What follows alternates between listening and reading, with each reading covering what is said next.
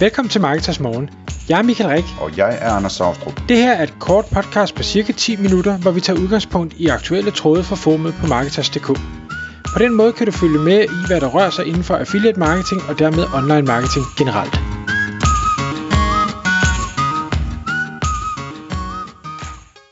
Godmorgen Michael. God morgen, Anders. Så er det tid til Marketers Morgen, og i dag der skal vi snakke, hvad hedder det, øh, jeg vil, jeg vil sige noget helt forkert, øh, der skal vi snakke Karl Marx, vil jeg sige. Øh, så øh, nej, vi skal tale om middelklassen, fordi at, at, øh, at øh, jeg tror, du, du har nogle idéer omkring, at øh, middelklassen bliver mindre og mindre, altså der er færre og færre i middelklassen, og det er vist oven i købet ikke, fordi de alle sammen ryger op i overklassen. Øh, øh, så øh, hvad, hvad gør vi ved det, og er det rigtigt, at det sker? Og, og det er jo et rigtig godt spørgsmål. Grund, det, det er ikke fordi, at min indsigt er øh, specielt stor i de her øh, makrodynamiske ting, men jeg læser rigtig meget, følger med i mange steder, lytter mange podcasts og ting og sager, og jeg synes en tilbagevendende ting, øh, som, som der bliver øh, debatteret, øh, eller ikke det bliver debatteret, det bliver i hvert fald sagt, det er, at vi ser en en, en middelklasse, øh, og det er ikke for at sætte nogen i bås, men, men øh, det er ligesom om vi får en pol- polarisering, hvor øh, de rige bliver rigere, og de fattige, øh, de fattige bliver fattigere. Og det her det er ikke nogen form for overhovedet politisk statement eller noget. Øh, og, og jeg siger ikke, at det heller er hverken godt eller skidt. Øh, det er egentlig mere en, at det er umiddelbart det, vi, øh, vi ser ske derude. Øh, og det fik mig bare til at tænke på, at hvis man er enig i den opfattelse, at, at øh, samfundet er ved at blive delt op i sådan to lejre. Jeg synes i hvert fald, vi ser det meget i, måske meget i USA. Øh, jeg synes også i hvert fald på, på den politiske front i Danmark ser vi også, at altså, enten så er, du, øh, så er du til højre eller til venstre, og du hader modparten, og det sådan bliver mere verbalt, og vi kalder hinanden grimme ting og, og sådan noget. Øhm, men hvis vi kører ind i, i præmissen om, at vi får de her to lejre, jamen så synes jeg så det er interessant, hvis man er øh, iværksætter, entreprenør, virksomhedsejer, øh, øh, øh, affiliate i princippet, uanset hvad det er, man, man driver forretning med, så skal man begynde at sige, jamen hvis man tidligere har adresseret en middelklasse, hvad det så end måtte være, med en eller anden form for en mellemvare produkter øh, eller serviceydelser til en eller anden form for mellempris i et eller andet sådan generisk masse øh, ting, så tror jeg, at man står rigtig dårligt fremadrettet. Øh, fordi hvis, hvis du har ligesom målrettet din forretning mod en, øh, en population, der er øh, der bliver mindre og mindre, og, og du måske til med er i en konkurrencesituation, fordi det har været den største målgruppe tidligere, så der er også rigtig mange konkurrenter, der går mod dem, så bliver det bare endnu sværere at, at drive forretning. Så hvis man kører ind i det, og man siger, okay, jamen så skal jeg jo gå enten den ene vej eller den anden vej. Skal jeg så gå øh, efter, hvad skal vi sige, den, øh, hvad hedder det, øh, den undermiddelklassen, den, den, den lave klasse skal gå efter den høje klasse, skal gå efter de rige, skal gå efter de fattige. Øh, med det jeg nu sælger, eller de services øh, jeg yder.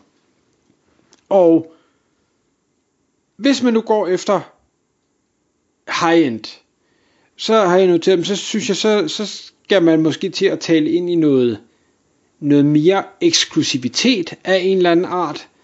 Øh, man skal muligvis også kigge ind i noget, der er en lille smule mere manuelt eller håndholdt, øh, håndholdt. Øh, og man skal måske kigge ind i noget, der er en, en smule mere fleksibelt. Altså noget, der, øh, hvad skal vi sige, appellerer til et kundesegment, der er villig til at betale en højere pris for det, fordi de synes, det her det er, det er ekstra værdifuldt, eller det er noget særligt, eller hvad det nu er for en parameter, man vil trykke på. Så det, det er den ene del af det. Den anden ende af det, det er, hvis man går efter, hvad skal vi sige, øh, øh, low-end, øh, jamen så skal man nok kigge mere ind i at sige, hvordan kan jeg automatisere ting? Hvordan kan jeg skære mine omkostninger helt i bund? Men stadigvæk levere noget, som, som nogen selvfølgelig er interesseret i at købe. Øh, og det kunne jo så være via, via automatiseringer og, og robotter og ting og sager. Hvordan kan jeg i bund og grund lave et produkt eller en serviceydelse, som er så billig som muligt, så den her målgruppe stadigvæk har lyst til at købe den. Og alt andet lige, så må vi også forvente, at øh, målgruppen i bunden kommer til at være væsentligt større end målgruppen i toppen. Øh, det bliver nok ikke fordelt 50-50. Øh, så man skal have noget, der er interessant for øh, den store del af befolkningen, hvis man kan sige det sådan.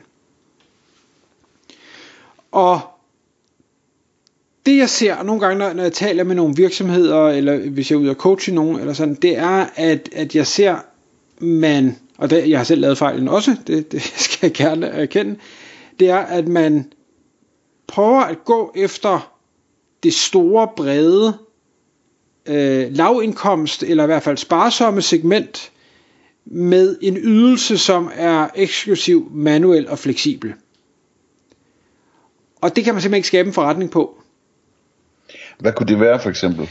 Jamen, jeg, jeg, jeg øh, kigger tit på øh, iværksættere. Altså hvis man laver noget, noget software, for eksempel, til iværksættere, og, og det skal have en eller anden pris, og det er uanset om det er en, en, en SaaS-løsning, eller, eller hvad det måtte være. Jamen, iværksættere har notorisk ingen penge overhovedet og de er nære som ind i jeg ved ikke hvad, uanset nærmest hvor meget værdi du giver. Så den eneste måde du kan sælge til dem, det er ved at gøre det billigt. Og hvis du så skal have en forretning, der, der hænger sammen, jamen så skal det hele være automatiseret. Der er ikke nogen kundeservice, der er ikke noget specielt custombygget. Det er bare, køb den her pakke, det er computeren, der klarer det for mig, agtigt. Øhm, hvis det giver mening. Ja, ja. Helt bestemt. Og, og, og, og det, det er en svær øvelse, og det er der, hvor jeg har fejlet, fordi når man har en, en potentiel kunde i den anden ende, jamen så, så er det jo et andet menneske, og man vil gerne gøre det så godt som muligt, og så har de et ønske om, fordi det er også det sjove ved, ved, ved det, det lave segment, det er, at jamen, du ved, jeg vil gerne købe den her super rumraket, men jeg vil ikke betale for den. Og, og lige når man starter ud med så prøve at, at sælge sit produkt, jamen, så vil man jo gerne imødekomme alle ønsker og forespørgseler og ting og sager, og, og jamen, det kunne også være, at vi lige kunne tweake, vi kan også lige udvide vores software eller vores serviceydelse med det her, vi kan også lige, vi kan også lige, vi kan også lige. Det kan man bare ikke, for så kan forretningen ikke hænge sammen. Så der skal man være benhård, og det bliver man, øh, som tiden går, det kan godt være, at man lige skal igennem den proces først, det er, at man siger, godt, det her, det er det, jeg kan. Det er det her, du får, og det her, det er prisen, du betaler. Og så kan du have tusind andre ønsker, det kommer ikke til at ske, så må du gå et andet sted hen. Og så er det selvfølgelig vigtigt, at det produkt eller den serviceydelse, man leverer, rent faktisk appellerer til nok, der tænker, okay, det er fint nok, øh, det er, det er ærgerligt, at jeg ikke kan få min rumraket, men, men den her svæveflyver er god nok, og specielt til den pris, som det reelt set koster mig, øh, så vil jeg gerne købe ind i det alligevel. Man oplever ikke helt det samme i den anden ende, hvor, hvor man tager de høje priser. Det, det er sjovt nok, øh, selvom tingene er væsentligt dyre, så er der ikke de samme ikke nødvendigvis i hvert fald de samme krav om, at, at man skal bygge den her vanvittige rumraket, der kan 6 millioner forskellige ting, og, og kæmpe suiter og ting og sager. Der, øh, det segment, både fordi at, at penge måske ikke har den helt samme betydning, øh, men man har også et andet indblik eller forståelse, det er i hvert fald min tese, af den værdi, man får ud af det, man køber. Man er villig til at investere også betydelige ressourcer, fordi man ved, det man får igen er bedre, eller er mere. Altså, der er en forretning i det. Øhm. Og så kan man sige, skal man gøre, skal man gøre noget ved det her med, at, at mellemklassen er ved at forsvinde? Det vil jeg jo sige, ja, hvis man kunne, så ville det da være fantastisk. Jeg, jeg tror, at vi er da bedre stille, hvis vi har en stor mellemklasse, og ikke, ikke, ret, ikke ret mange i bunden, og ikke ret mange i toppen. Er det muligt? Det tror jeg ikke. Ikke nemt, og ikke hurtigt. Øhm, jeg tror, vi kommer til at se, at vi ryger helt ud i, i den ene ende og den anden ende, og så sker der et eller andet, og så kan det være, at vi kan, det kan være, det er en verdenskrig, I don't know, så kan det være, at vi kan komme tilbage og få en bred middelklasse igen, og så tager vi så en, en cyklus mere. Øhm, men det er bare mit gæt. Og, og man kan sige, fordi det tager lang tid, så hjælper det ikke, at man sidder og venter på, og siger, at jeg bliver ved at adressere en middelklasse, som er, er forsvindende, fordi den kommer nok tilbage en gang. Fordi det kan være det om 20 år, det kan være det om 60 år. Øh, det, det kan man ikke vente på som forretning. Mm. En, øh, en ting, jeg lige kunne skyde ind her, er, at øh, altså, jeg synes, man skal, man skal huske, at når man snakker om, om øh, underklassen, eller hvad man skal kalde dem, dem der ikke har så mange penge, at øh, det der sker i verden er jo, at altså, sådan generelt, at, at de bliver, øh, jeg ved ikke, om man kan sige, at de bliver rigere, men de får i hvert fald mere og mere for pengene, ikke? Øh, så, hvad hedder det, øh, de, de, de her, nu om dagen, der, øh, der er der ikke nogen, der ikke har en vaskemaskine, for eksempel, ikke?